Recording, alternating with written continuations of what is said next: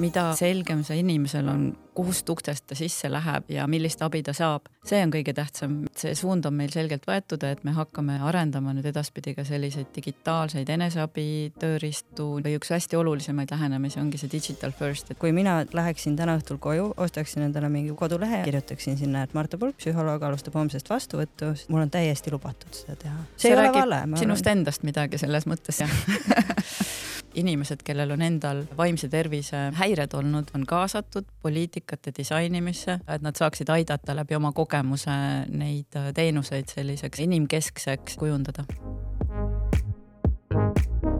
tere tulemast kuulama ja vaatama Mis mõttes podcasti. tegemist on Erasmus plussi poolt toetatud ja Stories for Impacti poolt ellu kutsutud täiskasvanuhariduse projektiga, kus meie teemaks on nii nagu ikka vaimne tervis, aga iga kord erineva kõnelejaga ja natuke erineva nurga alt. täna on meie teemaks see, mida saab riik teha Eesti inimeste vaimse tervise heaks ja selle jaoks on meile külla tulnud Anniki Lai. tere, Anniki. tere sinu näol on tegemist siis eh, senise Sotsiaalministeeriumi vaimse tervise osakonna eh, juhatajaga ja tegelikult selle käimalükkajana ja nüüd väga-väga alles ehk siis vähem kui kaks nädalat tagasi oled sa asunud uuele ametikohale, milleks on siis terviseala asekantsler. juba enne seda oled sa väga pikalt töötanud nii Sotsiaalministeeriumis kui siis ennetustegevuse keskust juhtinud, ehk siis sinu nagu kogemus valdkonnas on hästi-hästi lai. ja lugesin siis läbi vaimse tervise tegevuskava, mille riik on siis justkui üles seadnud eh, järgmisteks arenguteks ja seal on neid suundi nii kohutavalt palju, millega me vaimse tervise valdkonnas peame tegelema, et olgu see spetsialistide hulk, eh, ennetustegevused, nii edasi. mida ütleb sinu praegune tunnetus selle töökogemuse pealt? mis on need, need suunad või need tegevused, millega on kõige suurem tõenäosus õnnestuda? Mis sa näed, et on juba vot siin hakkab hoog sisse minema ja, ja mingid arengud on tõesti tuntavad. ja vaimse tervise tegevuskava on äh, väga rikkalik, aga see on ka juba valik tegelikult väga paljudest tegevustest, et äh, meil enne seda tegevuskava on äh, riigi poolt koostatud ja valitsuse poolt kinnitatud vaimse tervise roheline raamat mis on veel laialdasem, nii et äh, seda tegevuskava koostades me tegime ka juba sellise sõela mm, -hmm. et mis on ka need tegevused, mis on kõige olulisemad järgmise kolme aasta jooksul, see on kolmeaastane kava ja ta ei ole selline riiklik arengukava, vaid ta on Sotsiaalministeeriumi ehk et äh, vast loodud, siis kaks aastat tagasi loodud vaimse tervise osakonna äh, töökava eeskätt ja seda siis koostasime ja arutasime läbi üle saja osapoolega, eh, kes siis aitasid meil sõeluda just välja, et mis on need kõige olulisemad tegevussuunad järgmisteks aastateks, millega tuleb tegeleda, et me ju seda süsteemset vaimse tervise poliitikat hakkasimegi alles looma, kui osakond loodi. ehk siis Aga... sisuliselt kaks aastat tagasi? kaks aastat tagasi ja, ja kui siit nüüd küsida, et mis on kõige olulisemad või millega me kõige kiiremini edeneme, et siis äh, detsembri lõpus meil oli selle tegevuskava nii-öelda kokkuvõttev äh, seminar, kus siis äh, võtsime kogu oma vaimse tervise osakonna tiimi ja ja raporteerisime pooleteist tunni jooksul osapooltele, mida me teinud oleme ja kuidas meil läinud on ja ja endalegi sellise peegli saades, vaadates otsa, siis on ikka hirmuäratav suur hulk tegevusi, mida me kahe aastaga teinud oleme. ja ma ütleks, et kogu te tegevuskavas on äh, kõikides nendes viies äh, põhieesmärgis, mida me oleme seadnud, on tegelikult olulist äh, arengut. et me püüame ja olemegi püüdnud tegutseda võrdselt kõikide, kõikide teemadega, mis sinna on sisse toodud. mis eriti võib-olla silma paistab sel aastal, et me oleme väga jõudsa sammu astunud, mis puudutab vaimse tervise teenuste selliste äh, varasemate tasandite kättesaadavusega. Äh, see on üks asi, mida me oleme teinud, valmis astmelise abi tegevuskava, äh, et just pakkuda selliseid lühemaid sekkumisi, kiiremaid sekkumisi inimestele, kellel on vaimse tervise abivajadus, aga kes ei pruugi vajada nüüd veel otsest ravi mm. -hmm. nii et ma arvan, et see suund on meil läinud väga hästi käima ja just selline fookus ka, mida me äh, päris äh, osakonna loomise algusest võtsime, et, äh, et tuuagi nii-öelda see fookus sinna rohkem esmatasandile, kogukonna tasandile, inimestele pakkuda ja korraldada abi võimalikult vara, et nad ei peaks sattuma siis kallitele raviteenustele ja tegelikult ka olukorda, kus nende enda tervis on juba halvem mm. -hmm. no sellest samast äh, vaimse tervise püramiidist, millele sa viitad, on ju, oleme me siin saates ka varem väga palju rääkinud ja hea meelega ka kuulajatele-vaatajatele selle vestluse juurde lingime nii siis selle tegevuskava, millest me räägime, kui ka muud materjalid, millest täna juttu tuleb. kas sa saaksid mõne sekkumise välja tuua, mis neid alumisi püramiidi astmeid katab mm? -hmm see just nimetatud astmelise abi tegevuskava, et äh, meil on olemas järgmisteks aastateks väga hea plaan, kuidas edasi liikuda ja ja juba ka konkreetsed sellised äh, arendusplaanid, et milliseid uusi teenuseid tutvustada siis Eesti inimestele. aga teine asi, mis tegelikult sai alguse juba Covidi ajal enne vaimse tervise osakonna nii-öelda päris käivitumist. Äh, riik tuli Covidi ajal äh, appi lisaeelarvega ja üks mm., üks summa õnnestus suunata kohalikele omavalitsustele ja tutvustada just sellist äh, vaimse tervise teenuste pakkumise viisi kogukonna tasandil kohaliku omavalitsuse poolt, et tuua inimestele see abi nüüd eriti lähedale, et kohalikud omavalitsused ju teatavasti töötavadki äh, kõige lähemal nii-öelda oma elanikele, nii et nendel oli siis see ühelt poolt vajadus, me küsisime kohalikelt omavalitsustelt, et äh, kuidas nad näevad, et Covid ja kogu see piirangute olukord on mõjutanud nende elanikke ja nad tõid ise välja, et nad märkavad järjest rohkem vaimse tervise selliseid vajadusi ja mm, -hmm. ja murekohti, mida inimesed toovad ja et nad hea meelega pakuksid ka ise rohkem teenuseid ja rohkem tuge oma inimestele. lihtsalt mainin juurde, et varasemalt kohalikel omavalitsustel ei ole sellist rolli olnud. Neil ei ole ka praegu seaduses veel sellist ülesannet, et nad peaksid seda tegema. aga kuna nad seda vajadust väljendasid, riik äh, rahakappi tuli siis äh, otsustasime selle just suunata kohalikele omavalitsustele algul, et testida, vaadata, kuidas läheb. et kas kohalikud omavalitsused tulevad kaasa, kas nad oskavad, et äh, vaimse tervise teenuste pakkumine ja korraldamine täiesti uus ala nende jaoks mm. -hmm. aga väga hea meel on praeguseks näha, et see, see valik ja see otsus õnnestus väga hästi et meil äh, ikkagi ligi pooled kohalikud omavalitsused on praegu tulnud taotlema teenuseid Sotsiaalministeeriumist, õigemini rahastust, mitte teenuseid, teenuseid nad korraldavad ise. et meie oleme siis neile, neile võimaldanud rahastust sellise toetusvooru kaudu, et nad on pidanud taotlema ja esitama siis oma, oma pakkumuse ja esitama siis ka need inimesed äh, CV-dega, kes seda teenust osutavad siis mm -hmm. koha peal, et me oleme ka ise teinud sellist kvaliteedikontrolli kuna sellist nii-öelda standardiseeritud süsteemi selle teema peale veel ei ole.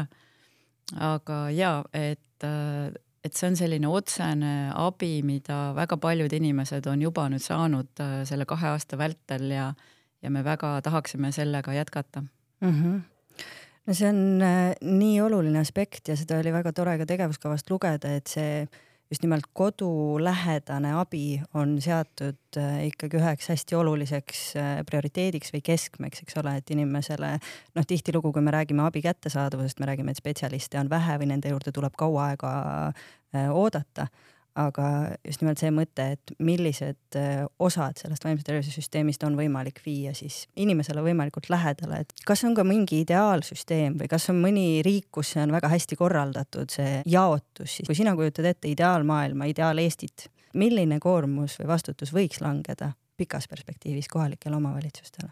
seda on selles mõttes natuke raske öelda, et et riigid ja nende süsteemid on hästi erinevad. Mm, -hmm. et äh, see sõltub sellest, et äh, milline on üldine nii-öelda näiteks tervishoiu või, või sotsiaalteenuste korraldus riigis, et siin Skandinaavias ongi kohalikel omavalitsustel ilmselt ka rohkem rolli kui võib-olla mõnel muul pool, pool, et äh, Eestis on ka järjest rohkem liigutud sinna, et kohalikul omavalitsusel on rohkem ülesandeid tulnud ja nad on ka rohkem võimekamad ma arvan küll, et Skandinaavia, hiljuti käisime siin just õppevisiitidel oma, oma tiimiga, käisime Taanis, käisime Norras ja Soomes just vaatamas nende süsteemide korraldust, kuidas nad vaimset tervist arendavad ja enamasti need, mida me oleme uurinud või vaadanud, kohaliku tasandi abi on ikkagi selline esmasem abi. Mm.. et see on kogu selle nii-öelda ka tasandite loogikaga koos, et äh, mida nii-öelda spetsialiseeritumad teenused enamasti siis äh, neid pruugivad korraldada nagu haiglad või väga spetsialiseeritud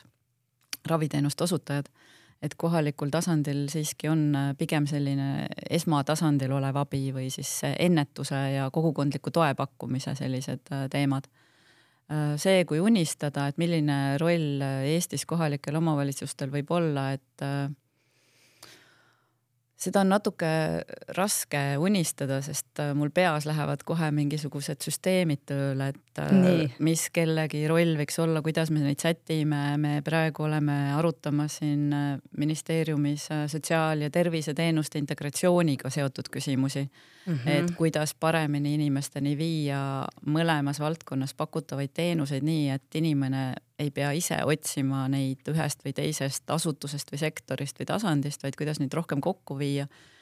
ja seetõttu ma arvan, mul ei ole praegu kohe sellist head vastust, et äh, mismoodi see võiks olla, ma pigem unistan, et inimesel oleks hästi lihtne pääseda abile mm. -hmm. ja et on see kohalik omavalitsus, võib-olla me ühel hetkel jõuame riigina sinna, et me kohalike omavalitsuste poolt üldsegi nii-öelda koondutakse, et nad hakkavad koos neid korraldama et mitmed omavalitsused koos pakuvad mingeid teenuseid, võib-olla me mhm. loome hoopiski süsteemi, kus meil on esmatasandi tervishoid ja, ja kohalik tasand väga käsikäes, kus pakutakse selliseid just esmasema tasandi vaimse tervise teenuseid koos teiste teenustega ühiselt.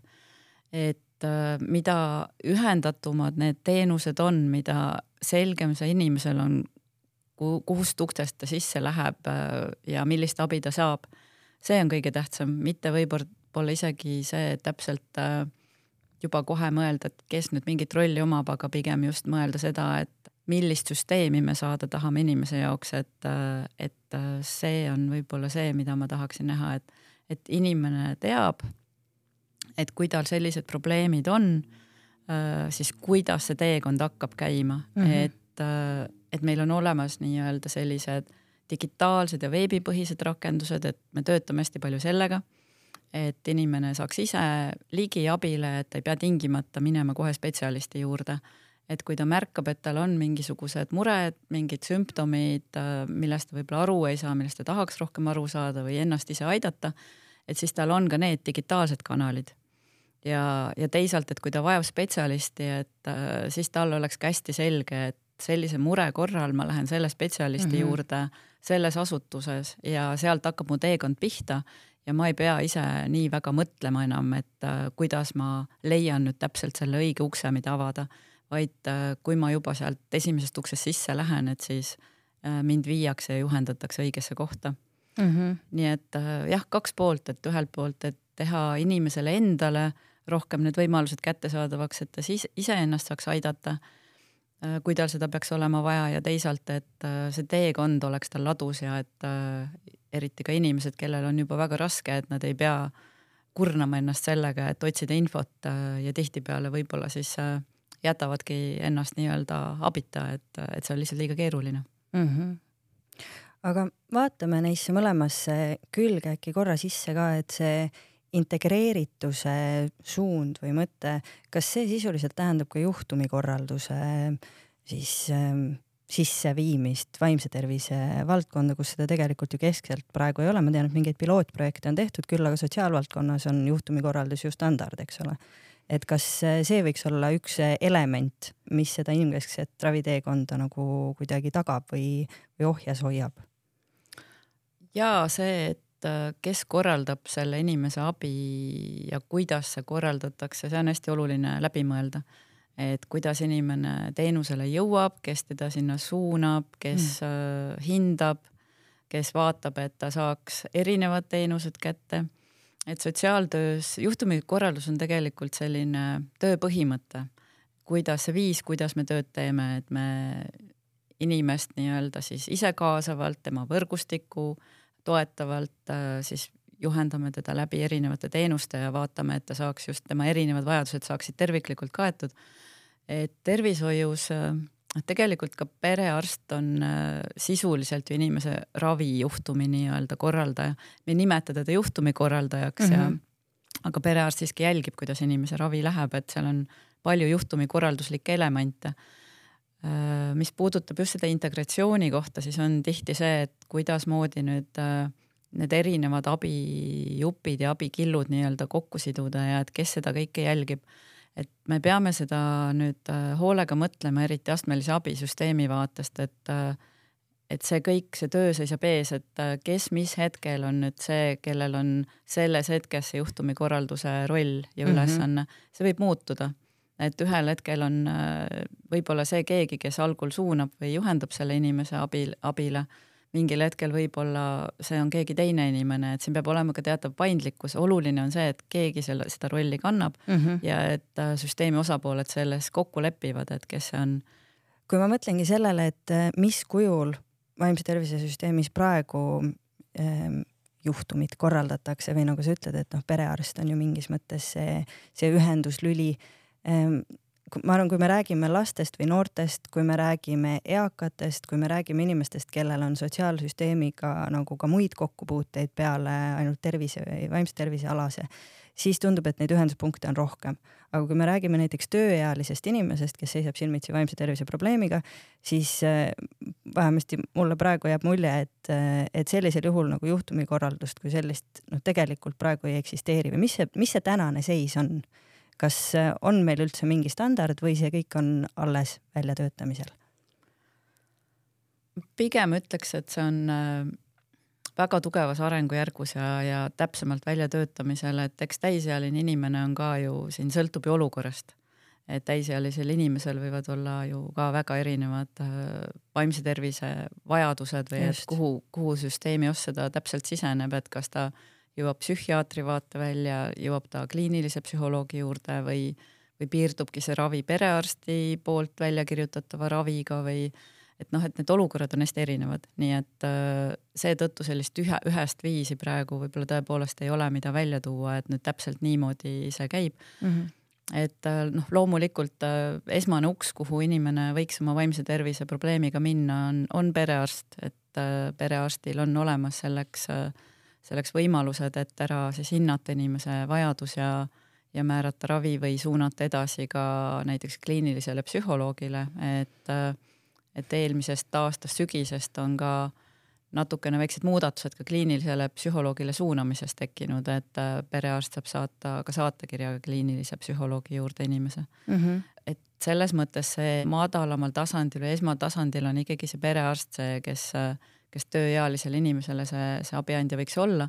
teine pool on ka muidugi, kuhu tööealine inimene satub, on ka töötervishoiuarst, kes, kes ka saaks ja võiks äh, hinnata inimese vaimse tervise olukorda, et et ka siin on selliseid mõtteid ja arenguid käimas, et kuidas ka seda, seda rolli veelgi paremini rakendada perearstide rollist vaimse tervise süsteemis me oleme ka siin saates rääkinud, rääkisime Karmen Jolleriga ja selge on see, et neile on mingis mõttes väga suured ootused.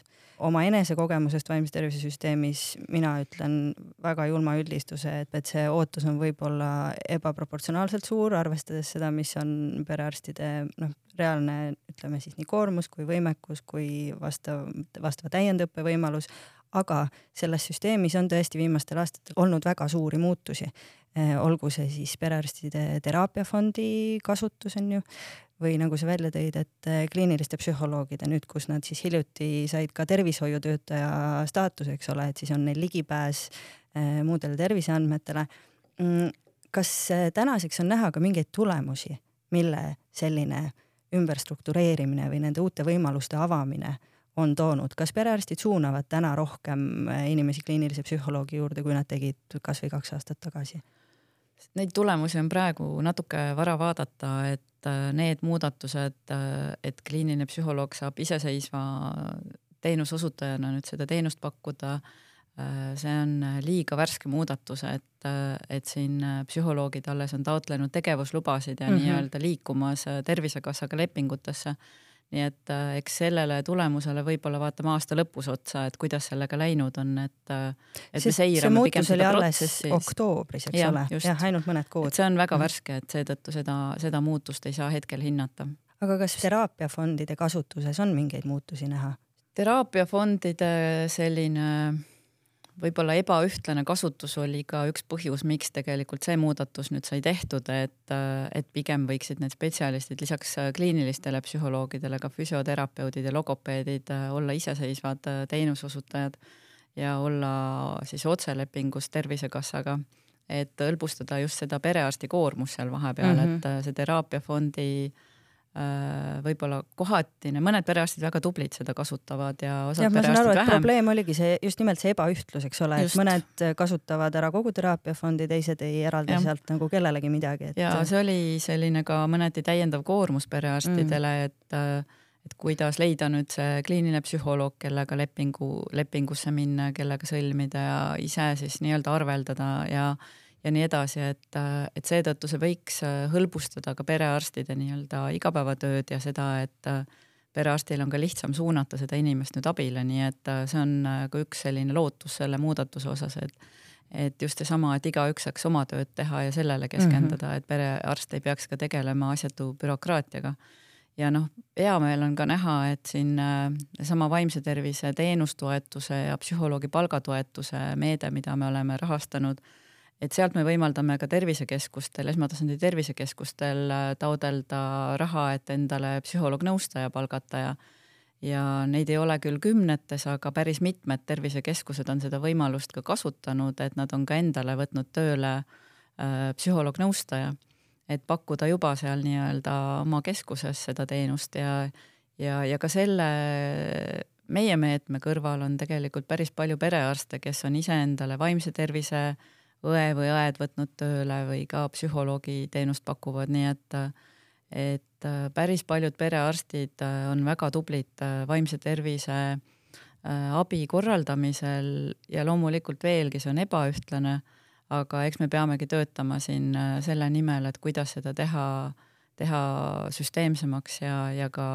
nii, et perearstid äh, näeksid sellest tõepoolest väärtust. enda tööle ka väärtust mm -hmm. ja et äh, nad näevad, et äh, see võtab neilt muud koormust ära. et eks see füüsiline ja vaimne tervis käivad käsikäes, et mõnelgi juhul on võib-olla hoopiski seda vaimse tervise abi inimesele vaja rohkem mm -hmm. kui selles hetkes seda füüsilise tervise tuge. absoluutselt nagu sa mainisid digilahendusi, et töötate aktiivselt nendega, eks selline digiinnovatsioon tervishoiu valdkonnas, eriti vaimse tervise valdkonnas, võib tõesti olla see teine viis, kuidas abi kodu lähedale tuua. praegusel momendil meil mingit sellist riiklikku digilahendust äh, vaimse tervise lõikes ei ole, on see nii? Ma ei tea, mida sa pead riikliku digilahenduse all? no vot, ma mõtlengi, et kui küsida, et kust inimene saab vaimse tervise infot, siis me arvame, et üheksakümmend protsenti inimestest ütleks, et nad on midagi kuulnud peaasi.ee-st on ju, mis on mittetulundusühing, mida sotsiaal, mille tegevust Sotsiaalministeerium samuti toetab. Äh, aga tegemist on ikkagi vabaühendusega, eks ole. et kas tulevikuvisioonis on ka mingi nägemus, kas mingisugusest rakendusest, äh, mis võimaldaks, ongi süsteemis orienteeruda, saada vaimse tervise esmaabi, mingisuguseid juhiseid kas midagi sellist on meie tulevikus ette näha? jaa, äh, seesama astmelise abi tegevuskava raames ja kui me analüüsisime ka, et millised sellised vähesema intensiivsusega teenused või sekkumised äh, võiksid inimestele kättesaadavaks saadud teha, siis päris paljude töörühma liikmetega, kes aitasid meil seda kava välja töötada, see oli väga palju erinevate erialade esindajaid, et perearstid, psühhiaatrid, psühholoogid, nii edasi Äh, ka patsientide esindajad. et seal tegelikult me leppisime kokku, et selline ka kõige esmasem äh, või üks hästi olulisemaid lähenemisi ongi see digital first, et inimesed saaksid äh, seda just abi, abi ka iseseisvalt kätte. nii et see suund on meil selgelt võetud, et me hakkame arendama nüüd edaspidi ka selliseid digitaalseid eneseabi tööriistu, nii inimene iseseisvalt, kui saab teda teha, aga, aga ka selliseid juhendatud eneseabi tööriistu kus siis saab äh, vastava väljaõppega spetsialist inimest siis juhendada ka digitaalse tööriista mm -hmm. vahendusel ja ka selliseid äh, online nõustamisi ja selliseid tööriistu samamoodi, et äh, millised digitaalsed sekkumised täpselt, et kui sa, ennetan su küsimust, et siis see alles nii-öelda on välja sõelumisel, et mismoodi täpselt, kuidas me läheneme sellele mm. -hmm. aga et, aga et need arengud on ees ja praegu meil on ka tegelikult juba olemas peaasjade kõrval, siin ka paar aastat tagasi tegelikult sai juba Covidi ajal loodud enesetunne.ee veebileht. et seda äh, me lõime koos Vatekiga, et Vatek aitas selle, selle väljatöötamist korraldada. et ta on meil olemas, me viisime sel aastal, eelmisel aastal selle Vateki juurest üle Tervise Arengu Instituudi alla ja see on üks selline platvorm, mida me soovime hakata ilmselt kasutama kõik, et kuhu võiksid ka maanduda need erinevad ka digitaalsed eneseabi mm. ja muud, muud siis nii-öelda vahendid, mida siis riigi poolt inimestele pakkuda muidugi on turul ju ka igasuguseid, igasuguseid. tooteid, mida inimesed saavad juba praegu ise kasutada mm. -hmm aga et äh, just selline abi, mida nagu, nagu riigi poolt inimestele pakkuda, et selle abi siis nii-öelda väljaarendamise me ette võtame ja ja siis äh, tõenäoliselt juba koos, äh, mitte ainult Sotsiaalministeerium üksi, aga koos oma selliste haldusala asutustega, nii Tervise Arengu Instituudi kui ka Tervisekassaga koos. aga mis see ajajoon võiks olla, mille jooksul sina tahaksid näha, et on olemas selline toimiv digilahendus, mis annaks mingi esmatasandi abi? Tegelikult hakkame ikkagi kohe tempokalt pihta, et me tahame ikkagi selle aasta lõpuks jõuda mingisuguste järgmiste sammudeni, et kas see on nüüd see, et meil on juba olemas mingid teatud tööriistad, ma ei julge seda praegu lubada, aga et me oleme astunud vähemalt väga pika sammu edasi, et, et meil need oleksid kahe aasta jooksul kindlasti, et kõikides nendes arengutes, mida me praegu teeme, et me püüame liikuda kahel viisil, nii pika perspektiivi ja, ja kauge vaatega, aga püüdes ära teha ka neid asju, mida me nüüd ja praegu teha saame mm. -hmm. et ka astmelise abi kava väljatöötamisel me vaatasime teiste riikide kogemusi, mida mujal tehtud on ja, ja oleme olnud väga lähedases suhtes ka Soomega, kes on meid äh, valmis nõustama ja abistama ja nemad on endale just sarnaseid äh, ka digitaalsete ja eneseabivahendite ja, ja selliste online äh, Äh, tööriistade keskkondi loonud, nii et äh, nad on valmis ka meid äh, rohkelt aitama. et me kindlasti kasutame ka seda abi ära ja püüame ka mitte jalgratast leiutada, et et mis on muidugi oluline, et nende tööriistade toomisel me peame lähtuma põhimõttest, et nad on tõenduspõhised, et nad on tõepoolest sellised, kus me, kus me teame, et nad töötavad, et nende tulemuslikkus on kas hinnatud või siis me hakkame neid hindama mm. -hmm. et see on hästi oluline moment siin see on väga oluline moment ja, ja mingis mõttes noh, nagu sa välja tõid, et äppe on ju juba täna igasuguseid, aga mis see aga selles võrrandis on, ongi just nimelt see, et nende tõenduspõhisust, efektiivsust tegelikult ei kontrolli mitte miski. et eh, kui sellel suunal korra edasi mõelda, ehm, noh, ei ole kellelegi saladus, et me oleme viimastel aastatel näinud sellist väga suurt esoteerika võidukäiku, sealhulgas vaimse tervise valdkonnas, millel on kindlasti omad põhjused. aga kui me räägime sellest, et mida riik saab teha, kuidas sina sellele oma positsioonilt vaatad, et noh, selleks, et tekiks selline ebateaduslik suund, on mingisugune pinnas all olemas, onju, aga see on hästi seotud ka inimeste uskumusega, usaldusega päris tervishoiusüsteemi vastu ja nii edasi. et kas neid hoiakuid saab üldse riigi tasandilt muuta või mida selle jaoks on vaja teha, et, et ka sellel nii-öelda abivajajal või tellijal või inimesel, koma kodanikul, et tal tekiks suund tõenduspõhise vaimse tervise abi poole? eks ta ole selline keeruline, hästi mitmetahuline küsimus. eks ta ühelt poolt on ka see põhjus, et meil ei ole olnud äh, võib-olla nii väga head ligipääsu sellele tõenduspõhisele abile ja see on loomulik, et äh, inimesed abi otsivad ja praegu seda enam, kui vaimne tervis on selline kuum teema, et mm, -hmm et heas mõttes just, et äh, inimesed on teadvustanud, et äh, vaimne tervis on sama oluline kui füüsiline tervis. ja eks ajad on ka keerulised olnud, et inimesed ongi rohkem ka abi vajanud. ja siis otsitakse ja leitakse sealt, kus see abi siis on kättesaadav. ja noh, igal inimesel on ju vabadus ja õigus aidata ennast just sellisel viisil, mis teda aitab et pigem on siin just küsimus nende abiandjate vastutuses, et, et nad ise ka inimest informeeriksid sellest, et kas see antav abi nüüd on tõenduspõhine või ei ole. ja, ja siin on küll see koht, kus ka inimesi tuleb teavitada ja selleks see enesetunne E näiteks, mida ma enne mainisin, et ka sellel lehel juba praegu on kirjeldatud ära, et kes need on ka need spetsialistid meil vaimse tervise vallas, et selle tööga tuleb kindlasti jätkata aga et inimestele anda infot, et kust ta saab äh, tõenduspõhist abi mm. -hmm. et kes on need spetsialistid, kelle poole pöördudes ta, ta seda abi saab, äh, teades, et, äh, et seal on nii-öelda teadmistepõhine lähenemine taga. Nii et sellist info andmist, informeeritust, terviseharitus laiemalt, et mitte ainult vaimne tervis, aga, aga laiemas vaates, et et need on asjad, millega tuleb tegeleda maast madalast ja, ja loomulikult ongi luues need kanalid ja pakkudes ka tõepoolest siis selgemalt ka tõenduspõhiseid teenuseid. noh, selge on see, et riiklikult rahastatavate teenuste kvaliteeti ka kontrollitakse, ähm, aga just selle terviseharidusliku poole suhtes vahel jääbki tunne, et kuidagi, et on inimese või selle abisaaja enda hinnata selle teenuse kvaliteet.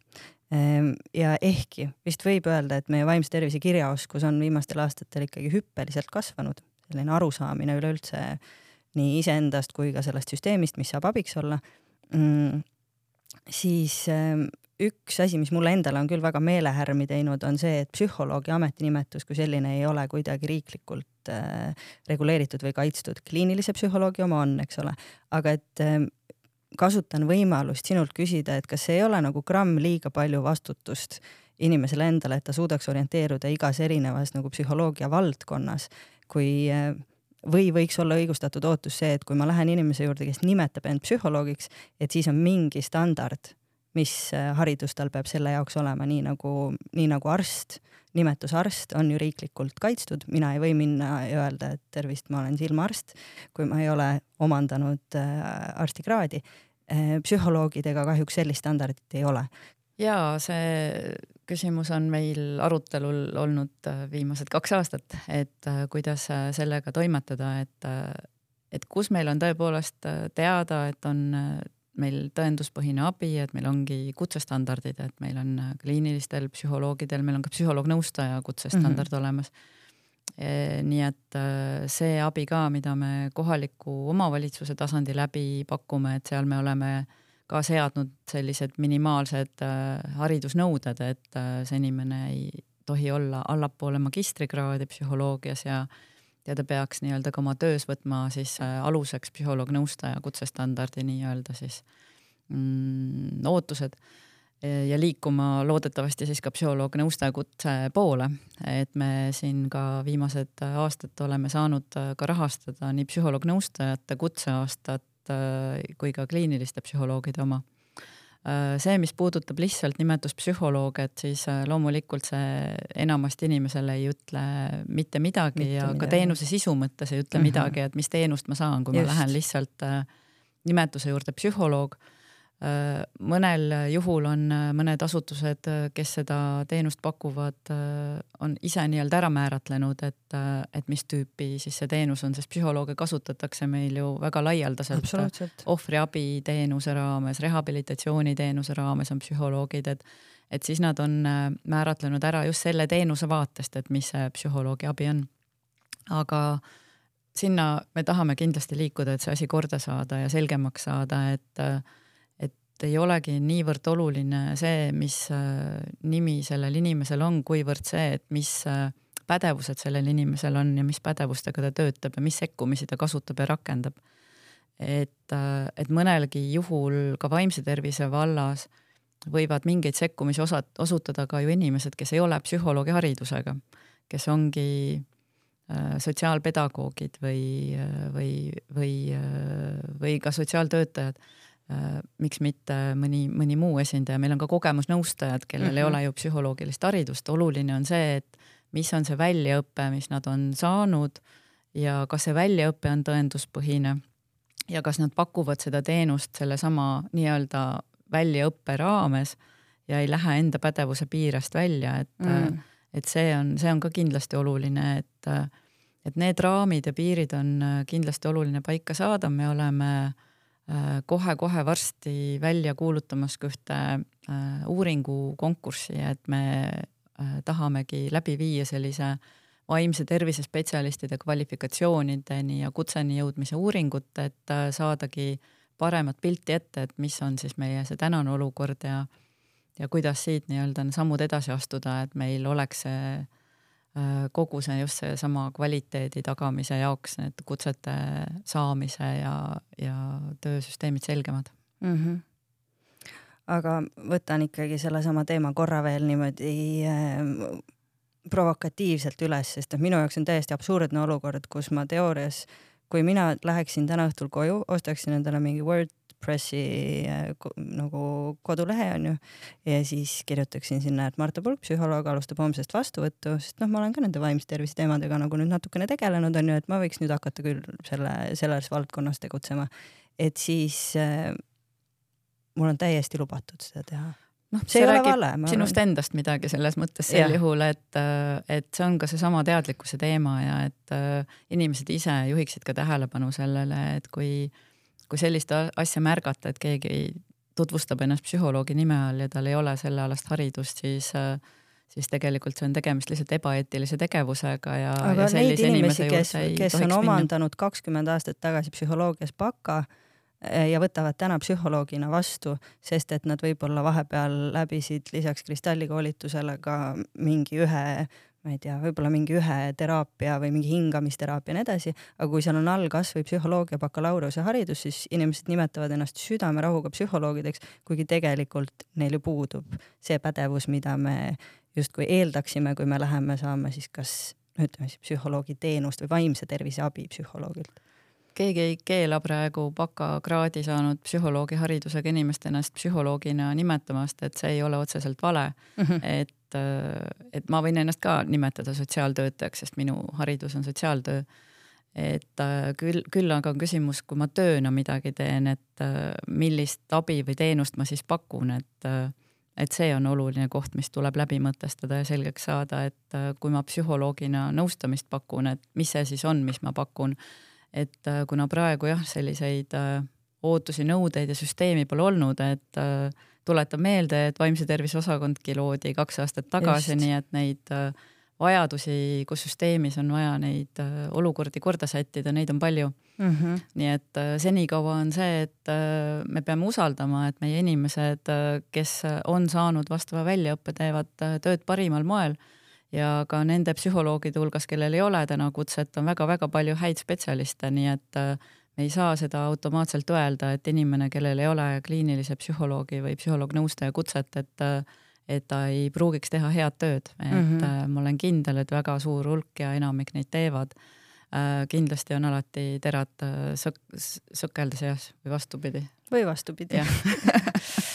jah ja, noh, ka sellest on ju tegevuskavas ja üldiselt teie kommunikatsioonis palju juttu olnud, et nende pädevuste kaardistamine ju tegelikult ongi hästi oluline selleks, et üldse saada aru, mis ressursid meil siin on, sest kui me kogu aeg räägime spetsialistide puudusest, siis selge see, et selle ainus lahendus pole see, et suurendame koolitustellimust ja tellime neid juurde, sest ka see võtab aega, vaid ka see, et kuidas võimalikult efektiivselt ära kasutada kõiki neid inimesi, kellel on valdkonnas mingigi pädevus, eks ole. just nimelt, et meil on tegelikult väga palju Äh, häid ja tublisid inimesi ja, ja neid inimesi, kellele andagi lisapädevusi, lisaoskusi, konkreetseid äh, meetodeid, mida nad saavad kasutada oma töös, et äh, see on selline esmane suund, kus me saame kasutada võimalikult palju meie häid inimesi.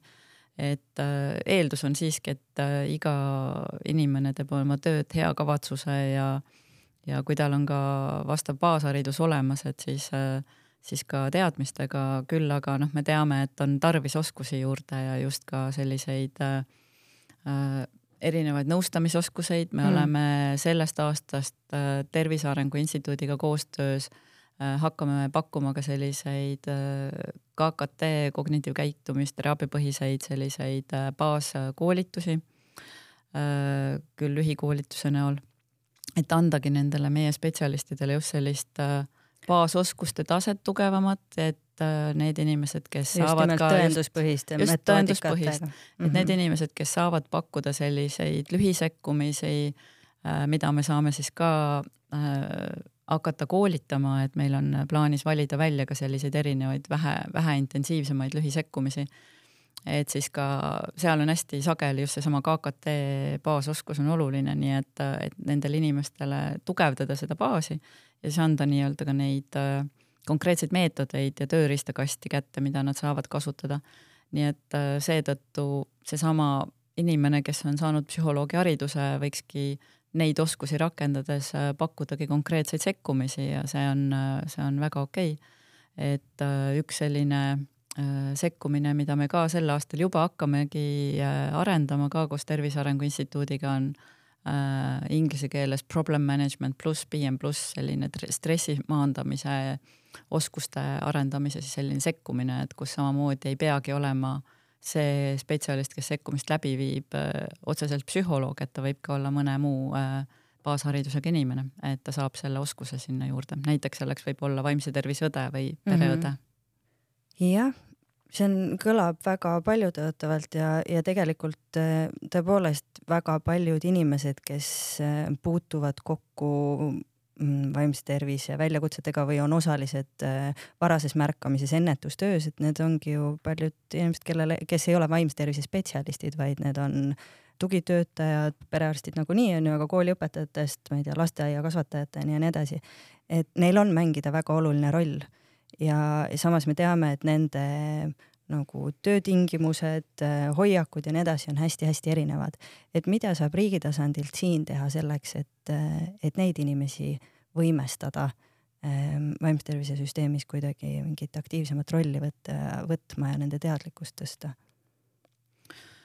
no see on jälle selline mitme otsaga lugu, et tahaks ju, et õpetaja saaks teha oma õpetajatööd eeskätt, et mm, -hmm. et, et ta ei peaks nii-öelda hakkama just nagu aktiivselt nüüd vaimse tervise probleeme ise lahendama, et õpetaja roll on märgata ja olla laste jaoks olemas ja ja olla ise puhanud ja ise stressivabam, et ta saaks oma tööd hästi teha.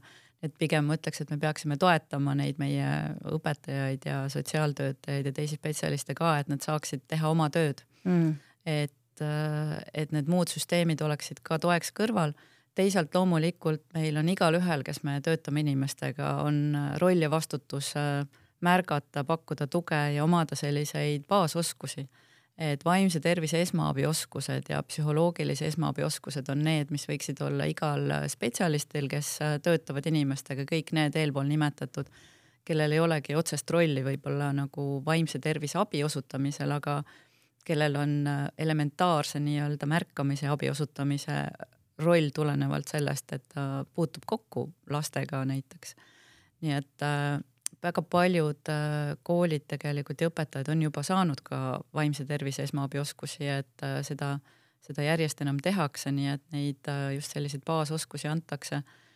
Mm, ja loomulikult sinna kõrval on hästi oluline, et kui ka õpetaja märkab mingit abivajadust, et tal on ka inimene kõrval, kes saab selle lapsega tegeleda.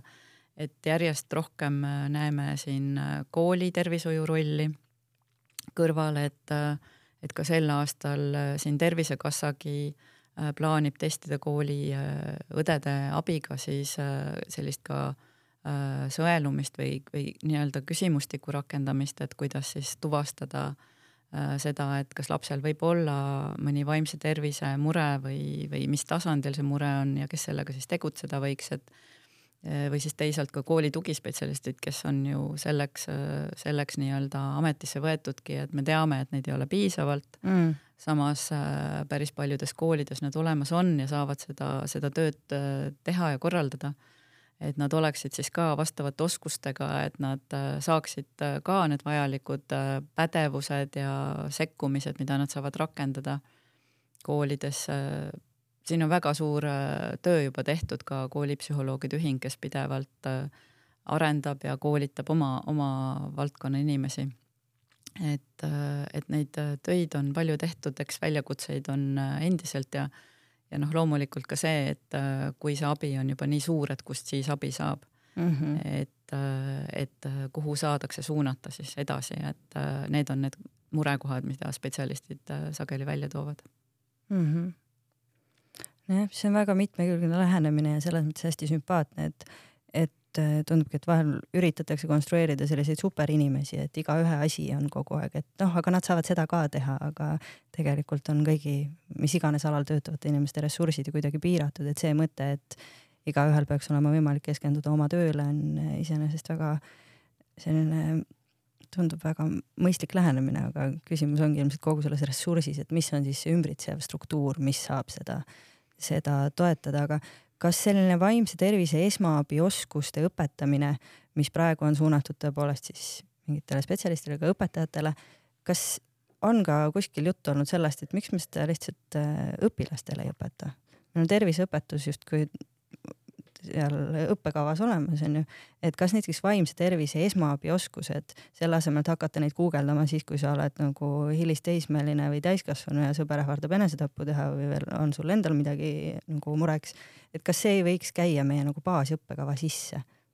ma arvan, et kindlasti võiks ja, ja eks siin äh, koostöös Haridus-Teadusministeeriumiga me äh, erinevaid teemasid ka sel aastal arutamas oleme ja mitte ainult nendega, väga paljude teiste ministeeriumidega, et et me oleme ministeeriumis kutsunud kokku sellel aastal sellise väga laiapõhjalise kõikide ministeeriumide töörühma.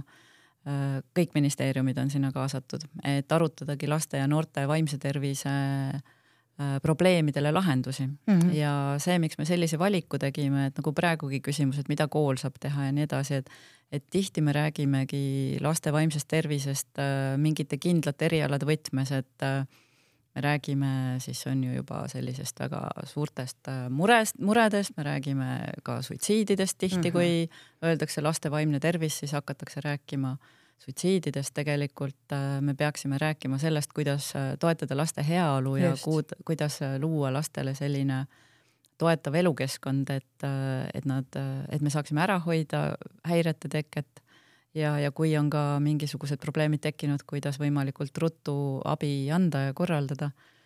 aga just sellise laiema edenduse ja ennetamise vaatest me kutsusimegi kõik ministeeriumid laua taha ja, ja selle aasta sügiseks on kavas ka valitsusel esitada siis sellised äh, lahendusettepanekud.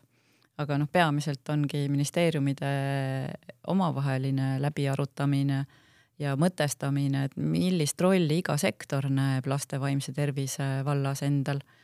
et äh, näiteks Kaitseministeerium, väga oluline roll praegu, kui me mõtleme seda, seda, kus me oleme ühiskonnana et äh, ärevust on palju ja, ja loomulikult on kõigil küsimus, et äh, kas mu kodu on turvaline, kas mm. mu pere on äh, kaitstud.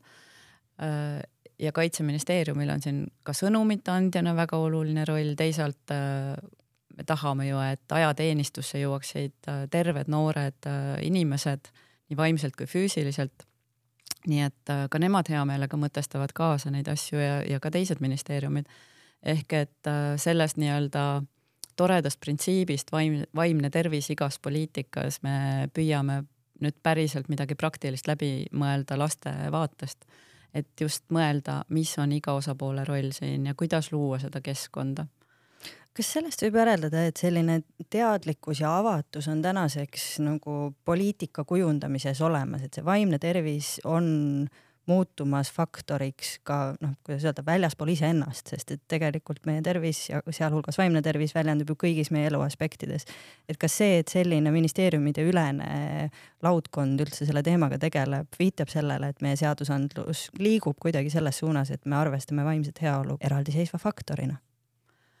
no me püüame nii jah, et äh, ega ta päris ise niimoodi ei liigu, et mm -hmm. äh, seda tuleb siis tõugata ja selles suunas tööd teha, et see on äh, see ongi ka vaimse tervise osakonna roll, äh, miks ta ka loodi, et ühelt poolt, et äh, reaalseid muudatusi teha siin ka nii tervishoiu kui, kui sotsiaalsektoris, teisalt on selle osakonna roll ka nii-öelda olla selline platsiülene siis ja mm, -hmm. ja kõiki, kõiki osapooli siis nii-öelda äh, mõnevõrra vaimse tervise vaatest siis ka nõustav üksus et me teeme väga palju koostööd erinevate ministeeriumitega, et äh, kaasume nii Haridus- ja Teadusministeeriumi töörühmadesse, arutame noorte vaimse tervise teemasid äh, nende haldusala vaatest. Äh, väga palju teeme koostööd töökeskkonna vaimse tervise teemadel, nüüd see Majandus- ja Kommunikatsiooniministeeriumiga et hästi palju suhtleme teistega. loomulikult seda suhtlust võiks olla alati rohkem aga teeme jõudumööda, nii et, äh, et see, see kindlasti, et teadvustada seda, et vaimne tervis äh, ei ole sugugi ainult tervishoiukorralduse või, või mingite kitsaste teenuste teema, et, äh, et vaimne tervis ei ole otseselt häire. vaimne tervis on ju heaoluseisund mm -hmm. ja, ja pigem just sellise häire puudumine. et me tahame ikka sinna jõuda, et me oleksime kõik hästi toime tulevad ja, ja meil oleks toetav keskkond ja ja igal pool, kuhu me läheme. et, et kõik sektorid võiksid tõepoolest sellega arvestada.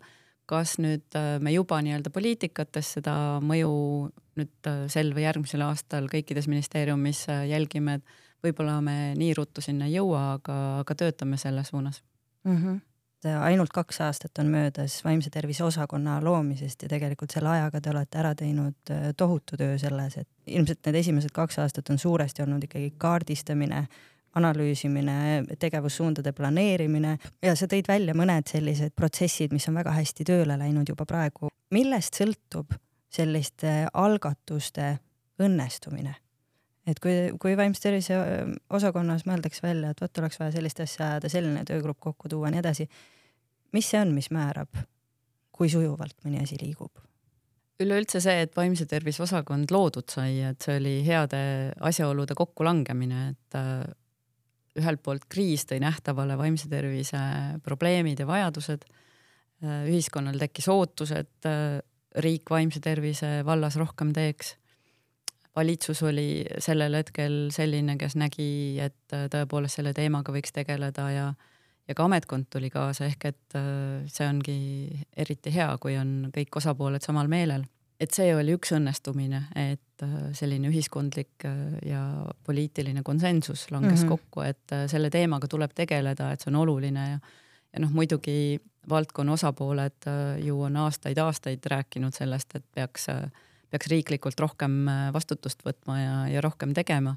Aga noh, me oleme praegu siin nüüd ja praegu ja teeme siis praegu, et äh, mis siin tagasi vaadata mm. -hmm. aga see, et asjad õnnestuksid nüüd ja praegu, äh, on vaja ikkagi väga head tiimi ja on vaja inimesi, kes usuvad sellesse, mis nad teevad ja teevad seda südamega, et tihti vaadatakse ametnike peale selliselt veidralt, et nad on just nagu erinev kiht inimesi võrreldes nüüd tavainimesest, et tegelikult ametnikud on kõik tavalised inimesed ja lähevad peale tööd koju ja hoolitsevad oma laste ja lemmikloomade eest ja, ja mõnelgi on võib-olla isiklikud mured ja, ja rõõmud seal, mida korraldada, et et kõigil meil täpselt samane elu nagu teistelgi, nii et et seetõttu need luust ja lihast inimesed, ametnikud, kes ka praegu on ka Sotsiaalministeeriumis seda teemat vedamas, on siiralt usuvad sellesse, mida nad teevad me tõepoolest äh, töötame tiimina, me teeme hästi palju koostööd, et äh, üksinda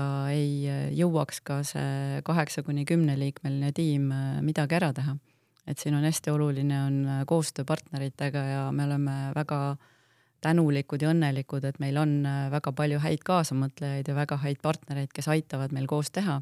ja järjest enam saame ka selliseid rakenduslikke tegevusi, et äh, kus ongi vaja midagi päriselt ära korraldada, mingeid koolitusi korraldada, mõju hindamisi teha, et me saame siin nüüd äh, järjest enam äh, teha koostööd ka meie haldusala asutustega.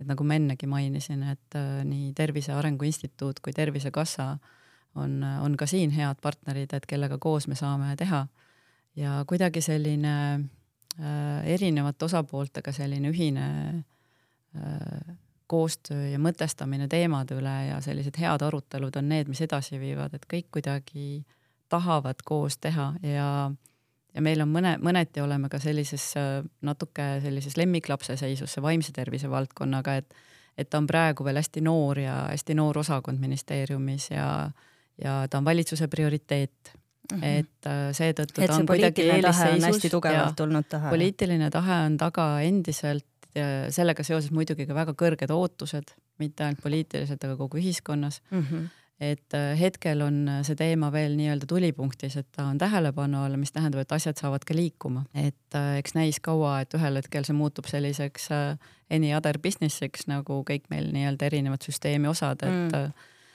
et aga praegu jah, ta on nagu veel eritähelepanu all, mis tähendab, et see soodustab ka, et asjad saavad äkki veidi kiiremini liikuda, et siin neid toetajaid rohkem, kes näevad äh, vajadust. Ja muidugi seda ongi väga vaja, sest see valdkond on olnud äh, aastakümneid ikkagi Eestis sellises äh, väga vähese tähelepanu all, et siin on väga-väga palju tublisid meil spetsialiste vaimse tervise vallas ja organisatsioone, kes on seda, seda püsti hoidnud ka oma missioonitunde ja usuga et me oleme väga-väga tänulikud neile, et nad seda teinud on, et äh, meil on siiski, me ei saa öelda, et meil ei ole olnud vaimse tervise abi Eestis mm. -hmm.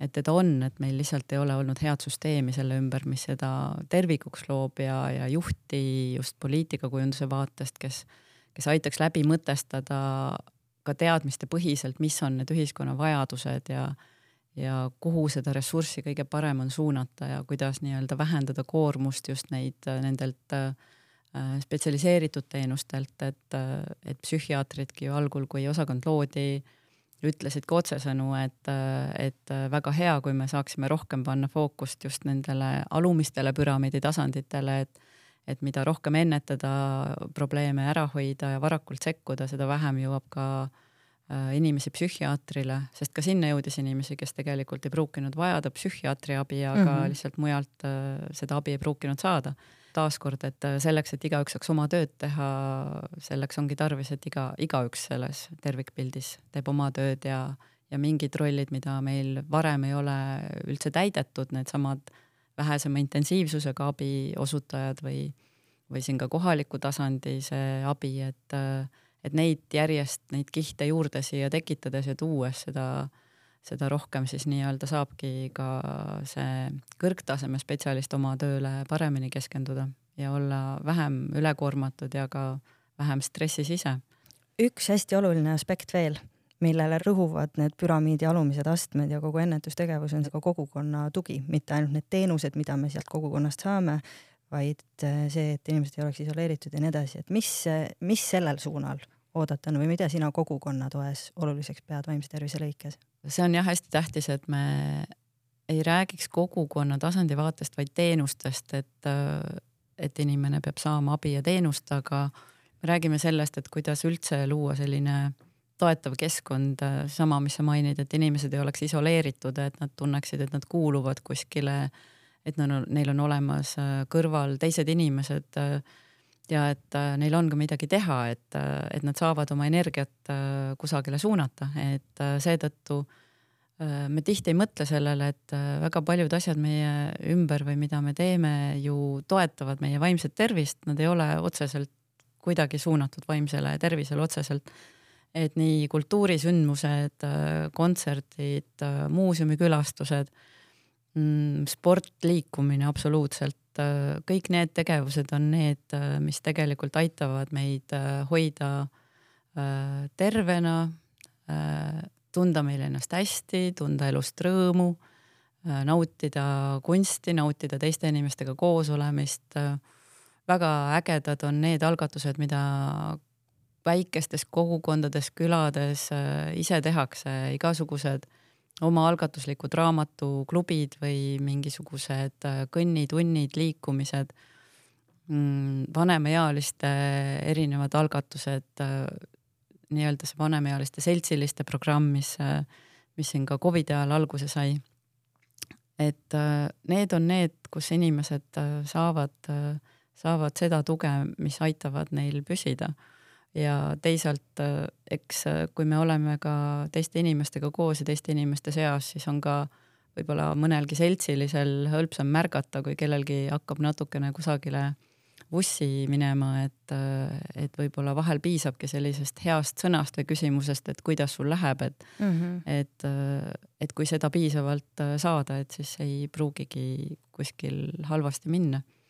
nii et see kogukonna tugi on tähtis ja mis me teeme, me oleme koos Eesti inimarengu aruande koostajatega Eesti Koostöökoguga, kes siis, mis siis oli vaimse tervise teemal, et äh, nendega koostöös olid ka mitmed äh, sellised piirkondlikud äh, seminarid või sellised tuurid piirkondades, kus siis räägiti ka kogukonna rollist ja arutati, mida ka kohalikud omavalitsused saavad teha, et oma inimeste vaimset tervist toetada väga paljuski see, mis nendelt äh, tuuridelt tuli, oli see, et äh, sama piirkonna inimesed istusid laua taha ja ja said aru, et nad võiksid nendel teemadel ühiselt vestelda, et nad ei olnudki võib-olla seda enne teinud, nii et äh, et tuuagi inimesi kokku, panna rääkima, anda neile näiteid ette, kuidas äh, kuskil keegi on lahendanud neid teemasid, et et see on see, mida me saame teha, et äh, eks kogukonnas ju parim ongi, asjad sünnivad ise, et äh, siin on lihtsalt vaja sellist teadlikkust tõsta ja toetada ja inimesi kokku viia ja võib-olla anda natuke selliseid juhendeid või näiteid või materjale ette, nii mm -hmm. et et sellega me püüame tegeleda ja, ja ka sel ja järgmisel aastal on see teema kindlasti pildis, et et sellega me tööt-, toetame, töötame kõvasti, et lisaks sellele, et me teenuseid nii-öelda arendame, et äh, kuidas just sellist teadlikkust kogukonna toe vaatest äh, tõsta, et ja noh, ka selle keskkonna loomise vaatest, et et aidata ka, ka kohalikel omavalitsustel näiteks läbi mõelda ka füüsilise keskkonna osas, et, et kuidas see võib inimesi mõjutada. See on huvitav, et sa just selle välja tood, meil eelmine, meie eelmine episood äh, oli ühest vabaühendusest, meil käisid külas äh, Eesti Noorte Vaimse Tervise Liikumise ähm, nende eestvedajatest mm -hmm. kaks.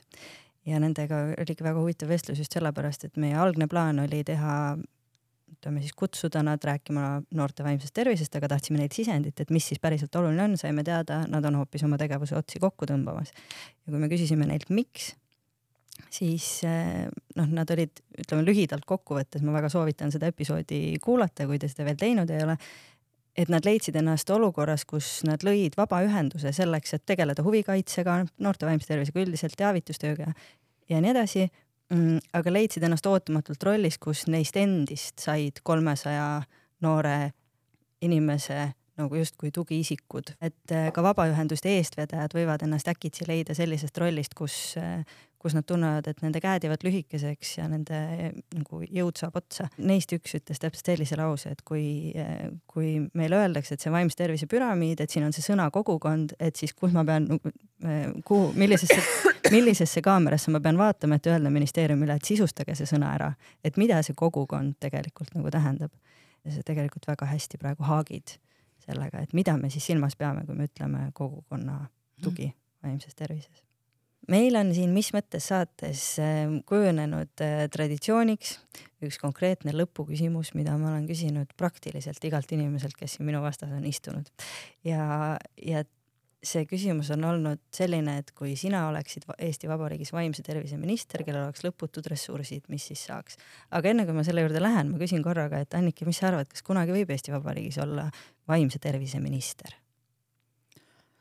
igasuguseid asju võib elus olla, et äh, täitsa võimalik, et võib. iseasi, kas on vaja, et äh, me võiksime inimest tervikuna vaadata, et füüsiline ja vaimne tervis on, ongi tervis, et võib-olla terviseministrist piisab okei okay,, aga ütleme, ma panen sind sellesse hüpoteetilisse olukorda, kus sa saad endale ette kujutada eh, mitte ideaalset maailma, vaid seda, kus me praegu oleme, küll aga seda, et sinul on selles valdkonnas täielik otsustusõigus ja täiesti piiramatud ressursid. mis oleksid esimesed kolm asja, millised muutused sa kiiremas korras sisse viiksid selle jaoks, et äh, meie inimeste vaimne tervis oleks toetatud ja, ja hoitud? Ma arvasin, et sa küsid ühte. ma küsin kolme, jah. sa küsid kolme mm.. ma alustaksin ennetuse poolest ja ma ilmselt teeksin kättesaadavaks kõikidele teatud vanuses lastega vanematele vanemlusprogrammi. et äh, see praegu on ja näiteks Imeliste aastate vanemlusprogramm, mis on tõenduspõhine, mis on Eestis olemas, mida ma kunagi omal ajal aitasin ka Eestisse tuua. Ja mis on väga hästi õnnestunud ja on tõepoolest aitab ära hoida ka muuhulgas vaimse tervise probleeme. et ja teisalt aitab ka vanematel endal stressi maandada ja ennast paremini tunda lapsevanemana et ma teeksin selle küll äh, kõigile Eesti vanematele kättesaadavaks, kui laps on saanud näiteks äh, nelja-aastaseks või, või kuueaastaseks, see on otsustuskoht, äh, mis vanusepunktis täpselt, aga et. aga kättesaadavaks, mitte kohustuslikuks? Ta võiks olla ikka võimalus, et ta võiks saada selliseks normaalseks rutiini osaks, et äh, nii nagu me käime lastega tervisekontrollides, et, et samamoodi võiks saada seda vanema hariduslikku koolitust mm. -hmm Need digitaalsed sekkumised, et äh, need digitaalsed tööriistad, erinevad äh, eneseabiviisid, äh, millega inimene saab iseennast aidata, et, et korralikud tööriistad tuua Eestisse või, või luua need, hinnata nende mõjusust, et meil oleksid tõepoolest korralikud rahad ka selleks, et me saaksime garanteerida, et need, need teenused on tõenduspõhised ja need oleksid igale inimesele kättesaadavad. et äh, ta saaks varakult ise lugeda, saaks iseennast aidata või ka sellised digitaalsed tööriistad, kus juba on ka võib-olla spetsialisti abi kõrval, aga et nad on hästi lihtsasti kättesaadavad. ja see kolmas osa, nii nagu Taanis on, ma mõtlesin, et mõttekäik loogiliselt võiks ju sinna minna, et kuidas nüüd neid teenuseid oleks rohkem ja paremini kättesaadavad veelgi, aga, aga hoopiski see kolmas mõte tuli äh, vastavalt Taani mudelile, neil on selline hästi tore süsteem One of Us, et äh, inimesed, kellel on endal äh, vaimse tervise äh, häired olnud või erinevate probleemide kogemused, psüühikahäiretega inimesed, et äh, need inimesed on, on kaasatud poliitikate disainimisse, teenuste mm. disainimisse. jah, meil ka ju kaasamine aeg-ajalt käib, aga et Taanis on just see lahendus, et need inimesed on välja õpetatud ise kui sellised eestkõnelejad. Nad saavad äh, vajalikku tuge, kui siin enne oli noorte vaimse tervise liikumisest juttu, et siis tõepoolest äh, inimesed, kellel on endal ka kogemus olnud, et nad peavad saama ka vajalikku tuge selleks, et nad saaksid äh, teistele rääkida oma kogemusi ja Taanis ongi mm. eestkõnelejad, kes siis saavad esiteks toetatult koolitust, et kuidas oma lugu rääkida teisalt nad äh, räägivad seda lugu vaimse tervise valdkonnas töötavatele spetsialistidele, arstidele, kes siis saavad nii-öelda ka seda kogemust, et kuidas siis on nii-öelda patsiendi Olla või teenuse abisaaja mm. vaatest, kuidas need teenused tunduvad, et selle järgi ise õppida ja kohandada siis oma nagu teenust ja oma abi. ja et need inimesed oleksid jõustatud ja nad oleksid meie kõrval, äh, sest äh, tegelikult kes iganes meist äh, aeg-ajalt äh, vaimse tervise probleemide kütke võib sattuda, et siis äh, tegelikult need olemegi meie, aga et just olekski nende inimeste hääl kuuldud ja et nad saaksid aidata läbi oma kogemuse neid teenuseid selliseks hästi inimkeskseks ja, ja tõepoolest abivajajale ka vastuvõetavaks ja, ja selliseks, mis neid päriselt aitab äh, selliseks kujundada. aitäh sulle, need on väga äh, suurepärased vastused, väga huvitavad vastused. Äh, suur tänu sulle, et sa täna stuudiosse tulid ja oma perspektiivi jagasid. aitäh kutsumast. ja aitäh ka kõigile vaatajatele ja kuulajatele. minu külaliseks täna oli Anniki Lai senine Sotsiaalministeeriumi vaimse tervise osakonna juht ja käimalükkaja ja nüüd vastses ametis terviseala asekantslerina. nii et Anniki, suur tänu ja palju jõudu sulle ka edasises töös meie ootame ikka huviga edasi seda, et millist tööd teeb ka vaimse tervise osakond. rääkisime siis täna sellest, et mida riik Eesti inimese vaimse tervise heaks teha saab. nii et tänan, et olite selle tund aega meiega. tegemist, nagu te teate, on Erasmus plussi poolt toetatud ja Stories for Impacti poolt ellu kutsutud täiskasvanuhariduse projektiga. nii et mis mõttes podcast jätkab juba järgmisel nädalal ja meie teemaks on nagu ikka vaimne tervis, aga seekord juba uue kõnelejaga ja natukene uue nurga alt. kõike head. Thank you